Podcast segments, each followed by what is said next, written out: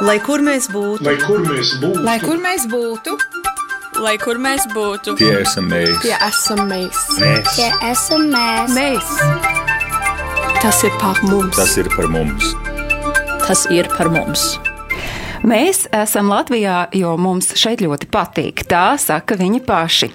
Jūs esat spilgts piemērs tam, cik uzņēmīgi un zinoši cilvēki atgriežas no ārzemēm atpakaļ uz Latviju un nes reālu pievienoto vērtību. Tā par viņiem saka citi. Viņi ir tie, kuri smēluši pasaules pieredzi un tagad ir atgriezušies Latvijā. 2017. gadā ar domu, ka tiem, kuri dzīvojuši, strādājuši un pieredzi uzkrājuši pasaulē, atgriežoties Latvijā, varētu tikties, dalīties ar savu pieredzi un mudināt arī citus atgriezties, radās biedrība ar pasaules pieredzi Latvijā. Tā bija pirmā un arī šobrīd joprojām ir vadošā remigrantu organizācija, kura veido tādu plašu remigrantu tīklu šeit Latvijā un arī veicina sadarbības kultūru, domu apmaiņu, stiprina saites ar tiem, kuri joprojām dzīvo un strādā ārpus Latvijas, bet vienlaikus visu laiku galvā iespējams tā doma par atgriešanos Latvijā ir. Mēs šodien tiekamies ar diviem tādi, tādiem pasaules elpu pieredzējušiem latviešiem, kuri ne tikai ir atgriezušies Latvijā un uh, kaut kur klusiņām un rāmi čubinās, bet arī ir metušies tiešām ar pilnu krūti tajā sabiedriskajā dzīvē, daloties ar savu pieredzi, kas uz, uzkrāta pasaulē, šeit, Latvijā. Un es sveicinu studijā Oskaru Teikmani, kurš ir Elektronikas un datorzinātņu institūta zinātniskais asistents un Latvijas Universitātes doktors. Sveicināt, Oskar! Labdien! Savukārt eh, Roberts Strēnga ir digitālā mārketinga speciālists, kurš arī pēc eh, studijām eh, ārpus Latvijas ir atgriezies šeit un saka, ka to darīs, lai gūtās zināšanas un pieredzi vienkārši atvestu atpakaļ un ieguldītu dzimtenē. Esiet sveicināti, skatītāji un klausītāji, un es atgādinu, ka šīs joprojām ir raidījums, kuram jūs sekot līdzi varat arī Latvijas radio YouTube kanālā, un mūsu raidījumu varat skatīties arī radio mājaslapā. Robert, uz Kanādu Jā. devāties, un tas Jā. notika uzreiz pēc vidusskolas beigšanas. Kāpēc tā bija Kanāda un ko tur studējāt? Uh, kāpēc Kanāda? Īstenībā ļoti grūti to pateikt. Nebija tāds varbūt viens iemesls. Uh, es atceros, ka uh, 2008. gadā ar ģimeni tur bija aizbraucis uz uh, divām nedēļām, tīri atvaļinājumā, un tad kaut kā varbūt bija palikušas tādas ļoti labas atmiņas par to. Un, uh, pabeidzot vidusskolu, es arī, tāpat kā Oskars, mēs mācījāmies pirmā gimnājā, un, un, un, un bija, mēs bijām starptautiskā bakalaura programmā, ar kuru programmu daudz vienkāršāk iestāties pasaules universitātēs, protams, arī.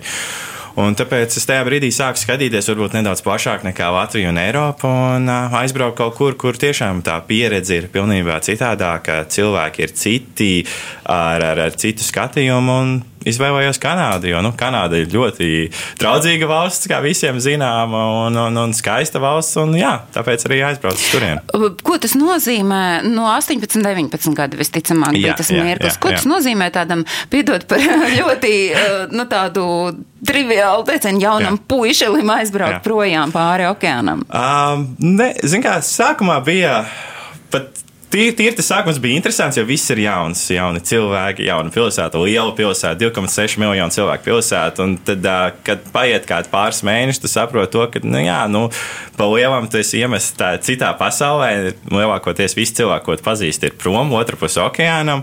Un tad tu pamazām sāc tā, nu, to dzīvi no jauna bez mazai. Nu, tu meklē sev jaunus draugus, draugu loku, paziņas, jaunas hobijas. Un tu tā kā uzsāc tā dzīvi no nulles nedaudz. Vai var teikt, ka tu salīdzinot ar saviem vienaudžiem, no kuri, piemēram, vai nu palika šeit Latvijā studēt, vai nu aizbrauc tepat Eiropā, nu tā kā pieaugi krietni straujāk? Es domāju, ka jā, jo no viena tā aspekta arī tas, ka tas tev jāsaprot, ka tev nav neviens, kas var atbraukt, palīdzēt, vai, vai ja kaut kas notiekās, tas viens pats, tev jātiek vienam pašam galā ar visām savām problēmām, un es domāju, ka noteikti, noteikti, un tāpēc arī tā, ka, nu, es vienmēr, kad es aizgāju parunāt savu pamatskolu arī skolēniem. Saka, nu, ja jums ir iespēja aizbraukt vai kaut vai uz gadu prom, prom un, un iem- apstīties, kas notiekās pasaulē, jauni viedokļi, jauni cilvēki un arī tāda, nu, tas pieaugšanas process, tā varētu teikt.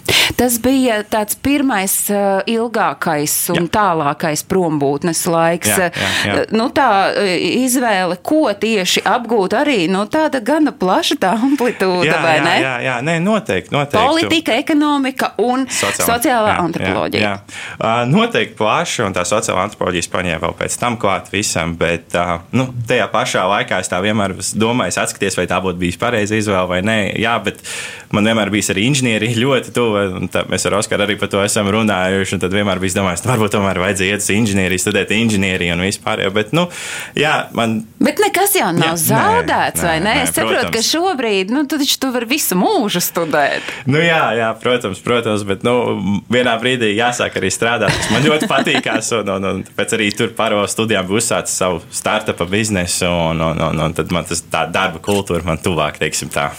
Uh, jā, Robertam aizbraukšana uz uh, studiju periodu, un tad pēc tam mazliet arī pastrādājot, proti, astoņi uh -huh. gadi Kanādā bija tāda pirmā pieredze tik tālu prom no mājām. Tad, uh, lasot par Oskaru, es saprotu, uh, jauns cilvēks manā priekšā, kuram ir 20 gadu pieredze dzīvot ārpus Latvijas. Visnotaļ, jā. Um, mana pirmā apzināta atmiņa ir no Strasbūras, no ārvalstīm. Uzaugot diplomātu ģimenē, man nebija pārāk liela noteikšana tajā, kur es šobrīd ar savu rumpi atrodos. Un pati pirmā aizbraukšana bija tāda, ka es pat nepiedalījos tajā sarunā. Un, uh, mēs ņēmām un pār. pār um, Vienkārši tev nācās braukt vecākiem līdzi, nebija variantu. Mēs šeit, starp citu, raidījumā Globālais Latvijas 21. gadsimts ļoti bieži esam runājuši par to, ka vecākiem pieņemot izvēles braukt tur vai tur, pārceļoties no valsts uz valsti, bērnam, principā, nu, reti, kad, principā, teiksim, nekad nav balstiesība, viņam nav iespēja teikt, nē, es tagad nebraukšu. Kā tu skaties, kā tas tevi līdz tam šim brīdim dzīvojot dažādās valstīs uh, uh, ir norūdījis kādu? Kā tu esi veidojies kā cilvēks, kuram nu, nu, tā būšana ārpus Latvijas tā ir tāda ikdienišķa? Jā, tā ir tāda sajūta, ko, ko iesavināt, pie kuras pierast. Tur, tur paiet kāds laiciņš. Jo bija tā, ka es uzaugu daļai ārvalstīs, sākumā Francijā, pēc tam Vācijā, un tad man bija pirmā pieredze Latvijā.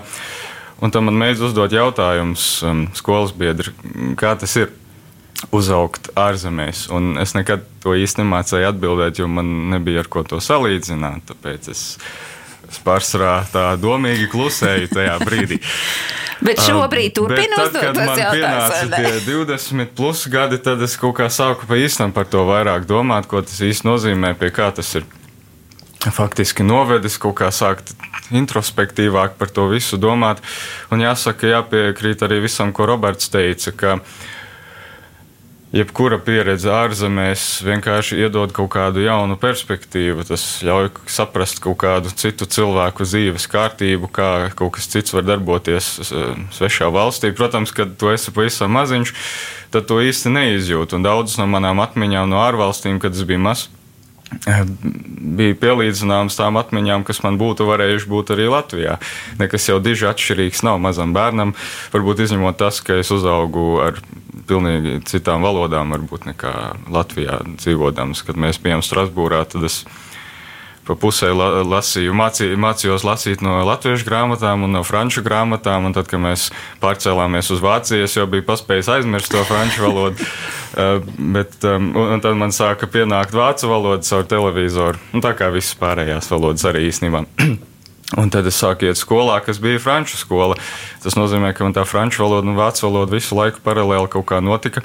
Un, uh, tas arī jāsaka, ja, ja mākt valodu un dzīvo tajā valstī, tad ir daudz intensīvāka tāda klātesamības sajūta. Tad, tad var tiešām viņu izjust līdz galam. Bet mājās tava saruna valoda droši vien bija latviešu Tikai valoda. un vienīgi latviešu valoda. Mani vecāki bija ļoti, un ir joprojām ļoti apzinīgi, un saprata, ka, ja mēs dzīvojam ārvalstīs, tad man tās vietējās valodas pienāks plus mīnus automātiski, bet latviešu valoda tā tieši riskē pazust. ja mēs nerunājam mājās. Gimnāzija bija šeit Latvijā, un pēc uh, skolas pabeigšanas šeit Latvijā devies studēt uz uh, Mīnheni. Ko tur varēja labāk nekā Latvijā? Kāpēc tu izvēlējies Mīnheni vai o, nevis, uh, kā piemēram, o, Roberts skatījās pāri okeānam? Es jau biju pieradis pie tās sajūtas, ka man ik pēc trim, četriem gadiem ir lemts kaut kur pārcelties uz citurienu. Turklāt šī bija pirmā iespēja manā mūžā, kad es varēju savu iniciatīvu kaut kur ņemt un uh, pārcelties. Un ar to Vāciju man ir tā, ka uh, man bija tāda viegli magnetiska sajūta. Es jau biju trīs gadus nodzīvojis Berlīnē, vienu gadu pirms tam Bonā, agrākā bērnībā, un man kaut kā gribējās īstenībā vēlreiz uz to Vāciju, zinā, bet bija cita, cita rakstura Vāciju. Nevis, nevis to ziemeļu galu, bet vairāk dienvidus uz Bavāriju. Es domāju, varētu būt interesanti iepazīties arī Minheni. Un es zināju, ka tur ir ārkārtīgi laba tehniskā universitāte. Es pēdējos skolas gados sapratu, ka fizika, matemātika, inženierzinātnes varētu būt tas loģiskais virziens, kurā man tiekties. Es gan bišķiņu no tā baidījos, jo es zināju, ka tas būs šausmīgi grūti. Bija kā... arī, ja? Jā. es izlaidu uh, 13. gada dziesmu svētkus, tāpēc ka es vienkārši biju pārslogots ar to, cik man ļoti, ļoti bija jāmācās, lai, lai vienu nenokārtot eksāmenu vēl uh, varētu. Atkārtot, tāpēc, jā, man īpaši bakalaura sākums bija ļoti intensīvs. Un tā universitāte, tas gan bija viens no tādiem norūdīšanas momentiem. Uh, Neraugoties uz to, ka tev jau tās pieredzes nebūt nu, tā tādā līgzdiņā pie savējiem tuvumā, tas vienalga bija tāds arī tev rūdījuma laiks. Jā, nu es pavadīju Minhenē lielāko daļu laiku ar tuviem pazīstamiem vai pat ar ģimenes locekļiem. Man tur jau, kad es uz turieni pārcēlos, tad man tur jau bija paziņas, bet ar laiku atklājās, ka tur ir visai daudz latviešu, tā skaitā tādi, kas tur studē. Un bija interesanti ar viņiem runāt, tāpēc, ka līdzīgi kā mēs ar Robertu, tur es pat teiktu relatīvi daudziem aptuveni mūsu vecuma cilvēkiem ir līdzīgs tas tas funkcijas par to, ka var aizbraukt uz ārzemēm, iegūt kaut kādu pieredzi, varbūt arī pastrādāt, un tad atbraukt uz Latviju. Tas pat daudziem šķiet loģiski šādi darīt. Lielākoties tomēr eh, šā brīža studētājiem un arī tiem, kas studē pirms, nu, nezinu, iepriekšējo desmit gadu laikā, bija tā doma aizbraukt pastudēt un nevis tur palikt, bet atgriezties. Nu, eh, jā, kā, kā kuram es domāju, ka noteikti ir tie cilvēki, kas aizbrauc studēt, paliek strādāt varbūt daži saist, domā, ka tā ir dzīvo, dzīvos tajās ārzemēs. Nu, es arī vienu brīdi domāju, ka man tas periods būs vēl ilgāks. Bet es domāju, ka cilvēki sāk aprast, nu, pieaugt, un, un viņi saprot to, ka, jā, ka varbūt viņi tomēr grib to savu pieaugušo dzīvi saistīt ar Latviju. Un, un, un, un tomēr šī ir tā vieta, kur mēs visi uzaugām. Un, un, un, un, tāpēc arī mēs esam ar pasaules pieredzi Latvijā, ka mēs gribam šīs savas pieredzes, zināšanas atnest atpakaļ uz Latviju, lai šo vietu padarītu labāku, vēl labāk nekā tā ir. Uh, Oskar, uh, tu uh, studēji inženierzinātnes un robotiku. Tas un pirmā zinātniskā pieredze ir gūta Vācijas kosmosa centrā. Tas bija pilnīgs kosmos. Jā, Un vispār es ļoti lepojos ar to, ka es tur tiku, tāpēc, ka man bija jābūt ļoti stūrgalvīgam, lai vispār man tur pieņemtu. Tas sākās ar to, ka man tuvojās maģistra, laika, maģistra darba. Tas periods, kad man bija jāizdomā, kur un kādu maģistra darbu es izvēlēšos. Un man it kā jau bija viens plāns A, bet tad caur vienu universitātes kursu es nonācu ekskursijā šajā Vācu kosmosa centrā. Un man tur ļoti iepatikās, jo tur bija pilnīgi visi iespējamie roboti.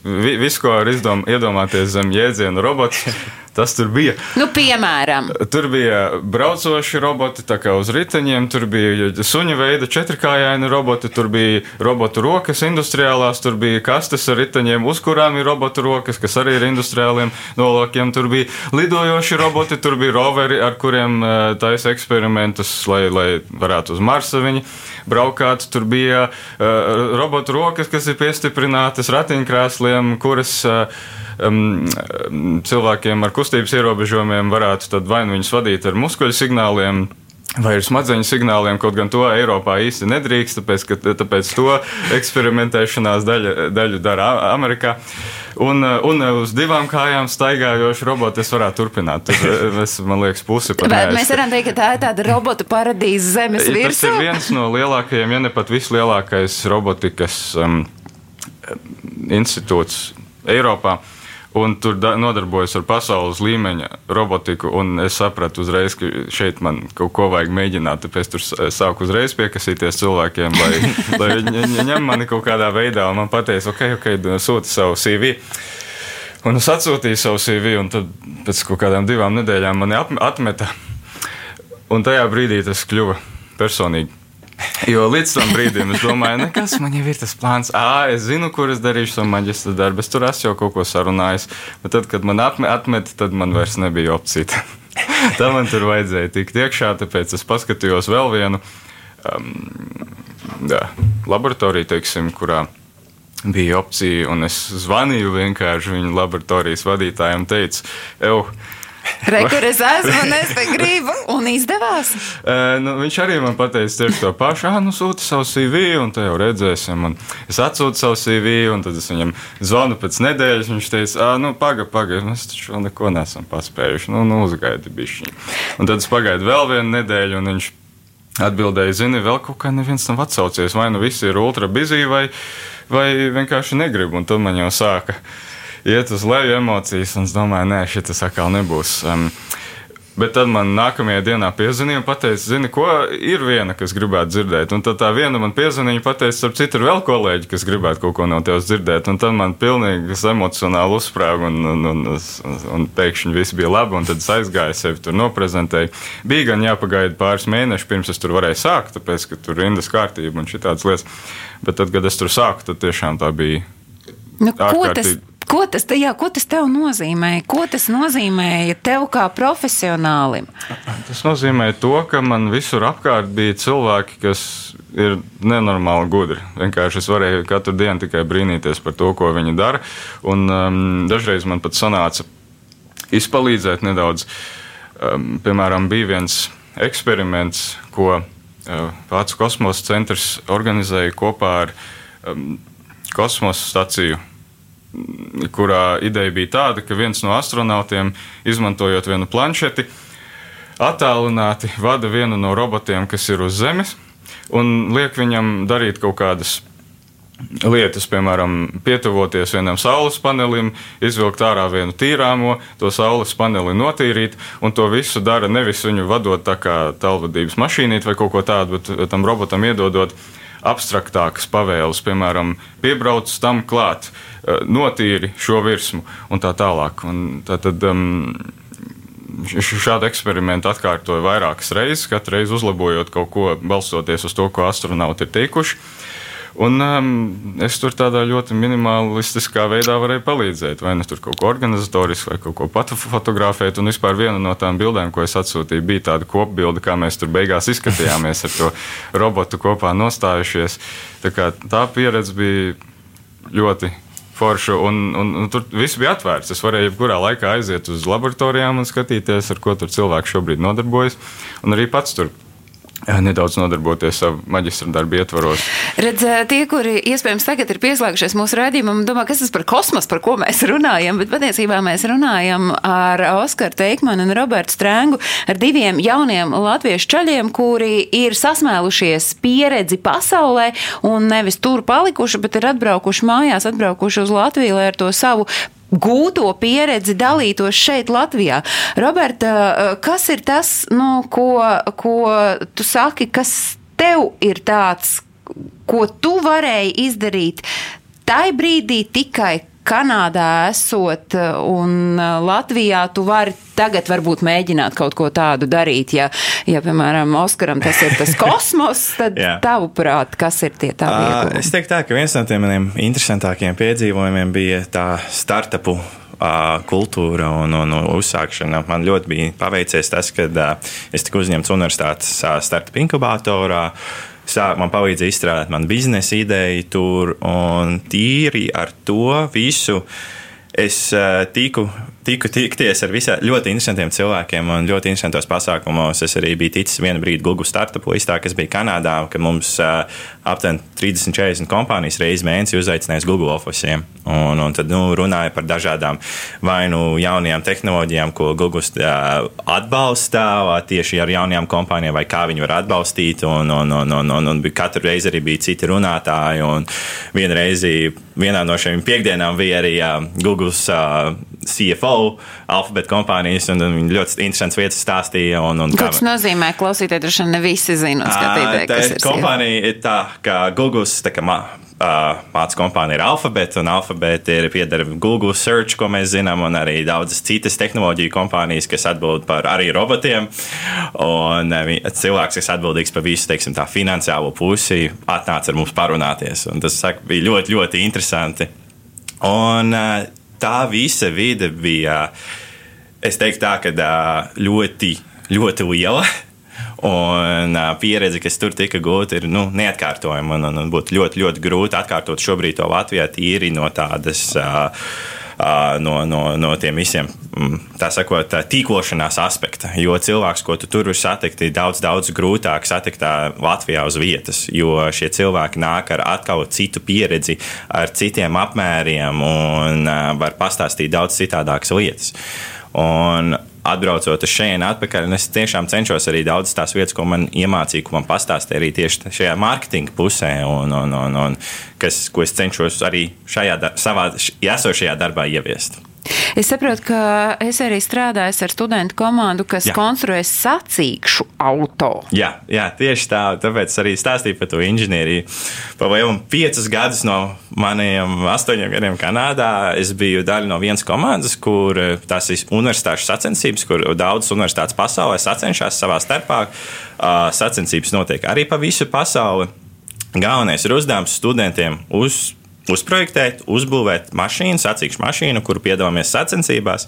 Bet sacensībās ne tikai pārbauda mašīnas veiktspēju, bet arī uh, ir uh, biznesa prezentācija, kur jāprezentē tīri mašīnas, teiksim tā, kā mēs viņu varētu pārdot un, un kā, kāpēc mēs, šis būtu veiksmīgs bizness. Uh, tad arī ir uh, grāmatvedības funkcijas, kur mums pārbauda, cik mums šī mašīna ir izmaksājusi un vai tas vispār ir reāli izdarīt tā, tādā masu, uh, masu apjomā. Un, uh, jā, un ar šo komandu ļoti daudz tādas praktiskas lietas arī mācījos, pat metināšanas un mašīnas būvēšanas un visu, visu kaut ko šādu. Un, jā, un tad divus gadus bija vienkārši kā komandas biedrs, un tad ar trešo gadu palielam mēs ar vienu citu cilvēku pārņēmām visu šo biznesa funkciju komandai, meklējām sponsorus, piesaistījām, arī pārstāvjām to komandu dažādos pasākumos. Mēs gājām uz skolām, runāties ar jauniešiem, stāstījām par inženieriju, inženierijas iespējām. Uh, un, jā, un arī braucām uz Ameriku, uz Eiropu ar šo mašīnu sacensībās piedalīties.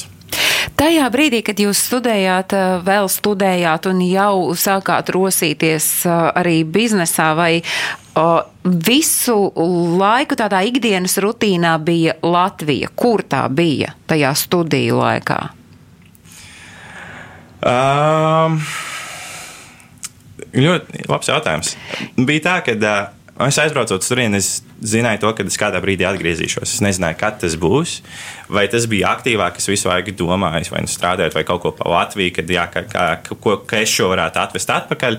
Varbūt tik ļoti aktīvi tajā brīdī tas nebija man. Bet ar laikam ejot uz priekšu, tu sāki par to domāt. Un, un, un, protams, tas arī nu, pēdējie, pēdējais gads, kas tika pavadīts prom, jau aizvien vairāk un vairāk domāju to, ka nu, jā, varbūt ir laiks atgriezties vai, vai varbūt kaut kur citur aizbraukt. Un, arī sākumā man uz Latviju atbraucu šeit tāds, domāju, ka, nu, atbraukšu uz Latviju, apskatīšos un varbūt braukšu tālāk prom. Es nu, beigās sapratu to, ka varbūt šeit uh, ir arī.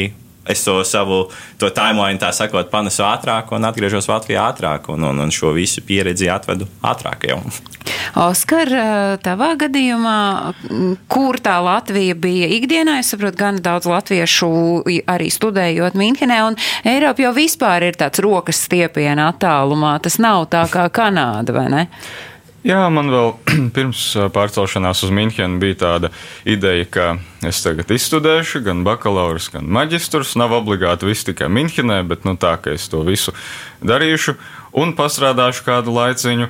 Varbūt izveidošu kaut kādu tiltu ar Latviju, lai tur kaut kas notiktu, un, un tad pēc tās strādāšanas atgriezīšos Latvijā. Tātad šāds naivs plāns man bija.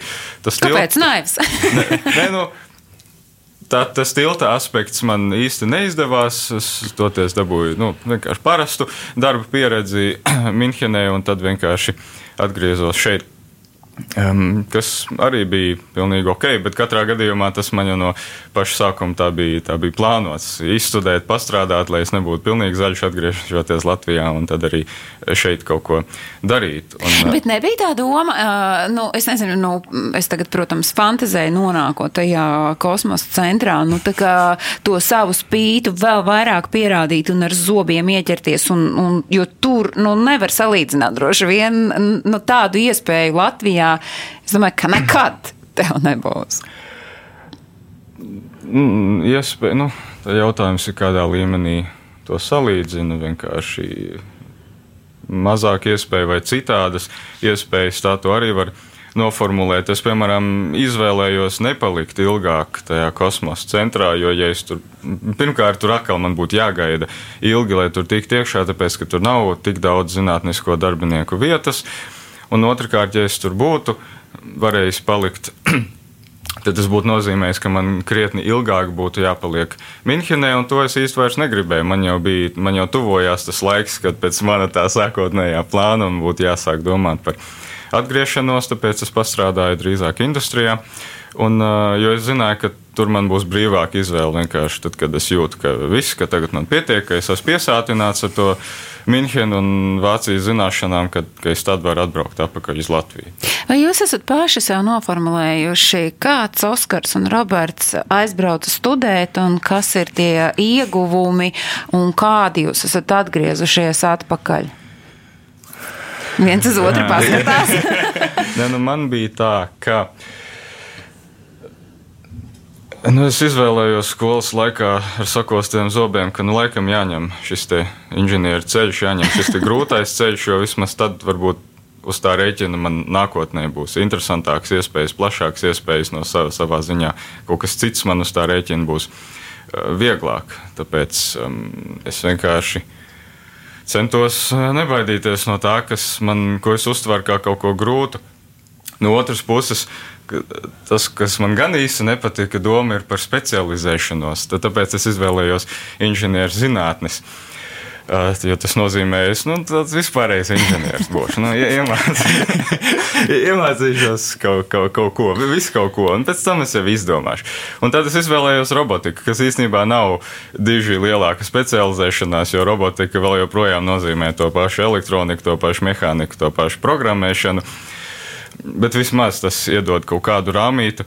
Un, um, Tajā visā kontekstā man principā tas, ko es ar laiku sapratu, ka mans īstais mērķis bija nevis obligāti nonākt pie kaut kāda robota, ko es tagad pats uztaisīšu un pārdošu, vai kaut kā tā. Tas, protams, vēl nav izslēgts, bet tas vispār šis viss process palīdz man turēt roku uz tehnoloģiju pulsa, vienkārši zināt, kas notiek, jo, jo ir skaidrs, ka tas ir ļoti svarīgi. Vienkārši sakot, sakot tam, kas notiek tehnoloģiski, lai nekas no šī man nebūtu svešs, lai es varētu kompetenti runāt par šīm tēmām un zināt, ko tas viss nozīmē un kā labāk rīkoties. Un saglabāt zināmā mērā arī tādu nemitīgu, nerimtu tu nemirstošu zinātnē sevi iekšā, visticamāk. Nu, cerams, jā. Bet uh, kāds ir uh, Roberts?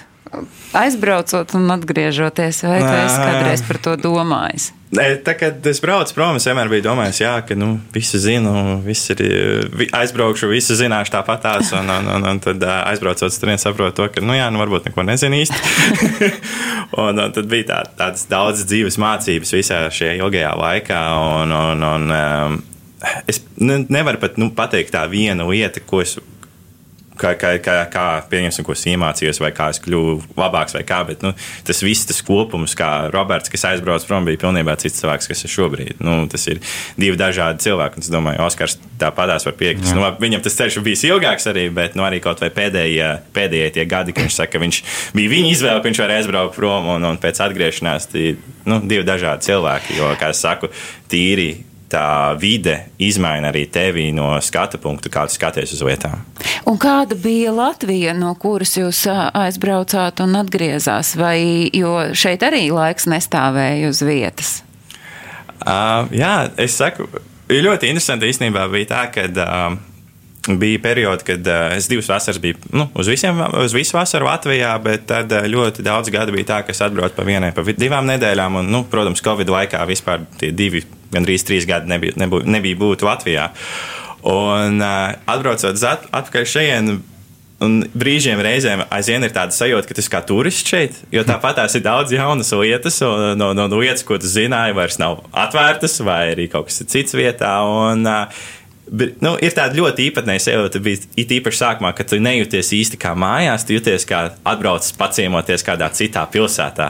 Bet nu, ar laiku jau tā sajūta iet prom un iet prom, un, un tā kā atkal aprod, un tās māju sajūtas, teiksim, tā atgriežas. Oskar, tev ir kaut kas uh, līdzīgs vai? Jā, man lielā mērā sajūta bija līdzīga. Tīpaši arī lietojot vārdu kā turists. Pirmais gads, nu es tagad pusotru gadu jau esmu Latvijā, bija viņa vairāk.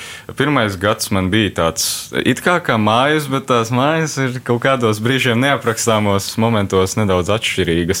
Un es tiešām jutos tā, nu kā ap, apciemojis Latviju. Un tā bija jauka sajūta man. Zin kā, mēs bieži vien tieši par to psiholoģisko aspektu runājot, pieskaramies šim, ka tad, kad tu aizbrauc, tu esi viens cilvēks, un tad, kad tu atbrauc, tu jau pats esi cits cilvēks, un tad tā vieta ir mainījusies, un tad beigās ir tā, ka tu īsti nevari saprast, kur tad īsti ir tās tavas mājas.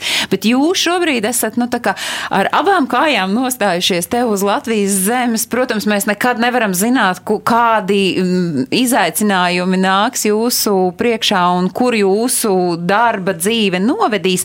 Bet šobrīd ar pasaules pieredzi Latvijā šai biedrībā iesaistoties un turklāt, es saprotu, iesaistoties arī diezgan eh, fiksi nonākot eh, valdē, kas tad ir tas, eh, kāpēc nu, jūs negribat vienkārši rušināt tajā savā darba jomā vai zinātniskajā jomā, bet jūs gribat dalīties? Mēs abi esam redzējuši lietas, pieredzējuši lietas un skatījušies, kā šīs citas valsts, šī citi cilvēki risina problēmas. Un, tāpat viens sēdēt uz šādām zināšanām, es domāju, nu, nebūtu liederīgi, kāpēc mēs varbūt aizbraucām prom. Un, un, un, jā, palīdzēt sev, sev iegūt zināšanas un pieredzi ļoti labi, bet nu, mēs jau esam šeit, lai ne tikai sev palīdzētu. Tā, un, un, un, un, tāpēc es domāju, nu, es varu teikt par sevi, ka šī organizācija, manuprāt, ir ļoti labs veids, kā atdot atpakaļ šīs zināšanas ar līdzīgiem cilvēkiem, mēģināt šīs zināšanas arī teiksim, tā, plašākā veidā. Uh, nodot citiem cilvēkiem, vai nu, tas ir valsts līmenī, vai, vai, vai tīri pat mūsu pašu iekšējās grupas līmenī. Nu, bet ir praktiski, kā tas notiek. Kā jūs, nu, es nezinu, piemēram, Oskars uzkrāto pieredzi studiju laikā un arī strādājot gan zinātnisko darbu, gan arī, arī pēc tam darba dzīvē ārpus Latvijas. Nu, kā tas tīri tehniski notiek? Tieši biedrības ietvaros? Jā. Nu, teiksim tā, biedrības viena no tādām pamatfunkcijām ir dot tādu kopienas sajūtu cilvēkiem, kas atgriežas Latvijā, organizējot visādus sociālus pasākumus vai sarunu vakarus un tādas lietas. Tas nozīmē, ka tā ir vieta, par kuru jau uzzina cilvēks, kas ir nesen atgriezies uz Latviju, un varbūt viņam, viņai vēl nav bijusi tā sajūta, tā iesakņošanās sajūta, ka tā būtu tā pirmā vai viena no pirmajām platformām, uz kurām varētu aiziet. Un saprast, ka te ir pilns ar līdzīgi domājošiem cilvēkiem, kuriem ir bijušas līdzīgas pieredzes Un tad ar viņiem var sākt runāt un veidot šo atkal klāta, klātesamības sajūtu. Bet nu, tur nepastāv risks, ka veidojas tāds remigrantu burbulis un, un, un jūs uh, iesakņojaties Latvijā, bet, bet tādā savā, savā vidē un, un uh, jūs tā līdz galam, līdz tam īstajam, nezinu, vietējam iedzimtajam latvietim nemaz netiek. Man ne? par to divas atbildes. No biedrības puses Es domāju, ka tas to obligāti nenozīmē, tāpēc, ka, ja caur biedrību var uzzināt par citām vietām, kur var arī pievienoties, tad katrs cilvēks uz sevi var uzņemties to, kā viņš priekš sevis paplašina šo burbuli. Un manā gadījumā es tieši to darīju. Man viens burbulis ir darbā, divi burbuļi ir divos dažādos koros, trešais burbulis ir vienā biedrībā, ceturtā, nu tā tālāk. Man, es eh, cenšos tiešām paplašināt to burbuļu. Nu, Proti, ar pasaules Jā. pieredzi Latvijā nav vienīgā vieta, kur uh, Oskars rosās un darbojas. Nu, jā. Jā, un, jā, un, Un, un man, Robert? man ir ļoti līdzīgi, un arī tas viens no veidiem, kā mēs cenšamies šo pieredzi dalīties, ir kaut vai rīcība politika. Un, un, un mēs tāpat mums vakar bija saruna mūsu biedrības iekš, iekšienē par imigrācijas jautājumiem, kā veicināt reimigrāciju, kā dalīties ar to mūsu pieredzi, ka jā, ka ir ļoti veiksmīgi atbraucot uz Latviju, šī dzīve var ļoti labi arī izdoties, un kā veicināt to, lai arī citi cilvēki atbrauc atpakaļ uz Latviju. Un, jā, mēs pagājušo vakardienu tieši arī diskutējām par šiem jautājumiem, kā mēs varētu no rīcība politikas šo arī bīdīt tā kā tālāk. Atklāsit ne, ne, nedaudz aizkulises jūsu diskusijām. Nu, kas ir tas, ko jūs redzat, kas var palīdzēt atgriezties Latvijā tādam šaubīgajam, jo jūs jau esat tāds ļoti spilgts pie, piemērs un pierādījums tam, ka tie jaudīgie ne tikai aizbrauc, bet arī atbrauc atpakaļ. Un, un tādu pamudinājumu tiem, kuri saka, nē, nu tā jau es te, ka varētu braukt uz to Latviju, bet tur tie ceļi baigi struntīgi un, un viss tādi, vis tādi pīkti, un tad vēl es atvainojos, karš turpat blakus ir. Nē, nu es kaut kad tā kā būs labāk laika, tad es braukšu uz Latviju. Nu, kas ir tas, ko jūs no savas pieredzes varat teikt, jo jūs esat nesen atbraukuši un nu, ne tajos pašos, kad Latvijā ir tur tas pats augstākais punkts. Um, Es teiktu, ka viens no tiem punktiem, kur var pateikt, nu, nekur nav, nekur nav labi, teiksim tā, Latvijā. vienmēr būs kaut kādas sliktās lietas, un, un, un, bet nē, nu, tā arī ir. Nu, vienmēr ir kaut kādas pozitīvās, vienmēr ir negatīvās lietas, bet viena no tām lietām ir tā, ka nu, šī ir šīs valsts dēļ mēs tomēr mēs šeit uzaugām. Un, un, Vai, vai, ja tu aizbrauc kaut kur prom, tas aizbrauc prom, tāpēc, ka tu biji šeit, kaut kāda lēmuma vai, vai kaut, kaut kas bija noticis. Tīri šī, tī šie, tīri šīs vietas dēļ tev bija šī iespēja aizbraukt kaut kur un iemācīties kaut ko jaunu, vai tas ir darbs, vai, tā, vai skola, vai kaut kas. Un es domāju, tas tāds, nu, tas patriotisms vai kā dot atpakaļ šo, nezinu, šīs, šīs, šo zināšanas. Un, un, un, un, un tas no, nu, no manas puses, bet no otras arī tas, ka, kā mēs varētu dabūt šos cilvēkus atpakaļ. Viena no tām lietām, ko mēs runājam, atbalstīt uzņēmēju darbību. Mm, Jo arī pēc Latvijas universitātes pētījuma ir arī cilvēki, kas brauc atpakaļ uz Latviju, kuriem gribētu arī atgriezties, viņi gribētu nodarboties ar savu uzņēmēju darbību. Un kaut vai tiešām šāds fonds, kas palīdzētu cilvēkiem, kas grib atgriezties Latvijā, uzsākt savus uzņēmumus šeit. Tādā veidā viņi varētu radīt darba vietas ne tikai sev, bet no arī potenciāli cilvēkiem Latvijā. Nu, redz, Roberta ceļavārdi ir ar to, ka es šeit esmu uzaudzis, un šī ir tā vieta, kas man ir devusi iespēju dzīvot, uh, studēt, strādāt kaut kur ārpus Latvijas. Mazliet ar citu skatu punktu Oskars var paskatīties, uh, jo ir daļa nu, potenciālo remigrantu, kuri nav dzimuši Latvijā, kuri nav auguši Latvijā, kuru vecāki kaut kādā brīdī ir izbraukuši no, no valsts, un viņi, viņu tā dzimtenes pieredze ir vispār kaut kur ļoti tālu saistīta ar Latviju. Kā uzrunāt šo auditoriju? Tā ir vēl viena no tēmām, ka mūs, par ko mēs runājam mūsu tās rīcība politikas grupā. Mēs apzināmies, ka ir tādi pamat, pamatakmeņi, kas veido cilvēku kaut kāda veida to vēlmi kaut kā tiekties uz Latviju. Um, viena no tām ir uh, tas, par ko mēs jau runājām, ka, ja cilvēkiem ir kaut kāds sasakņojuma sajūta, kaut kāda sajūta, ka tur ir savējie cilvēki, tad būs lielāka varbūtība, ka gribēsies pašiem atgriezties. Tas nozīmē, ka šis ir viens ceļš, ko var iet, uh, rīkojot kaut vai tos pašus vietējos tīklošanas pasākumus, vai tos tīklošanas pasākumus li- vest uz ārzemēm. Vai arī kaut vai tas pats Pasaules Latviešu zinātnieku kongress, kas notiks šogad, un dziesmu svētku, un viss šitais, kas savad arī Latvijā nedzimušus cilvēkus kopā. Šie visi pasākumi ir tie, kas var iekustināt to sajūtu arī viņiem, ka jau vispār te, te kaut kas notiek, te ir interesanti, es varētu apsvērt par atgriešanos. Un arī tajā pašā ar pasaules pieredzes biedrībā ir arī tādiem pārstāvjiem, kas nav Tas dzimuši. nozīmē, ka tomēr sākotnēji ir tai emocionālajai uh, piesaistē. Emocionālā piesaiste ir viens tas akmens, un otrs akmens ir tas eh, tehniski praktiskais. Ja kāds ir eh, dziļi specializējies kaut kādā tēmā, kurai pilnīgi nav nekāda sakara ar to, ko Latvijā vispār var darīt, tad ir cilvēki, kuriem ir grūti sev pierunāt eh, šeit uzsākt darbu, jo nu, Latvijā taču to nevar darīt.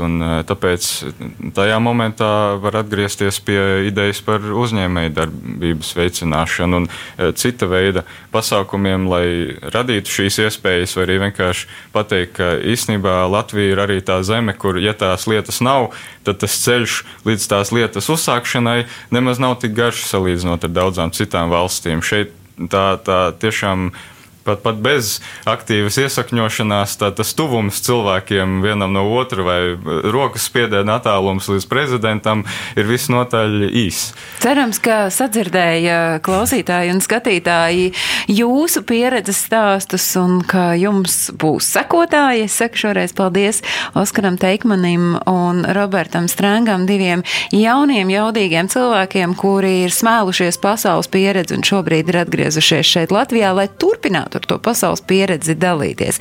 Es atgādinu skatītāji, klausītāji, ka visus tos aktuālos notikumus, kas norit ārpus Latvijas un ir domāti latviešiem, kas nedzīvo šeit Latvijā, jūs varat meklēt notikumu kalendārā portālā latviešu.com. Tur arī ir skatāms mūsu raidījums.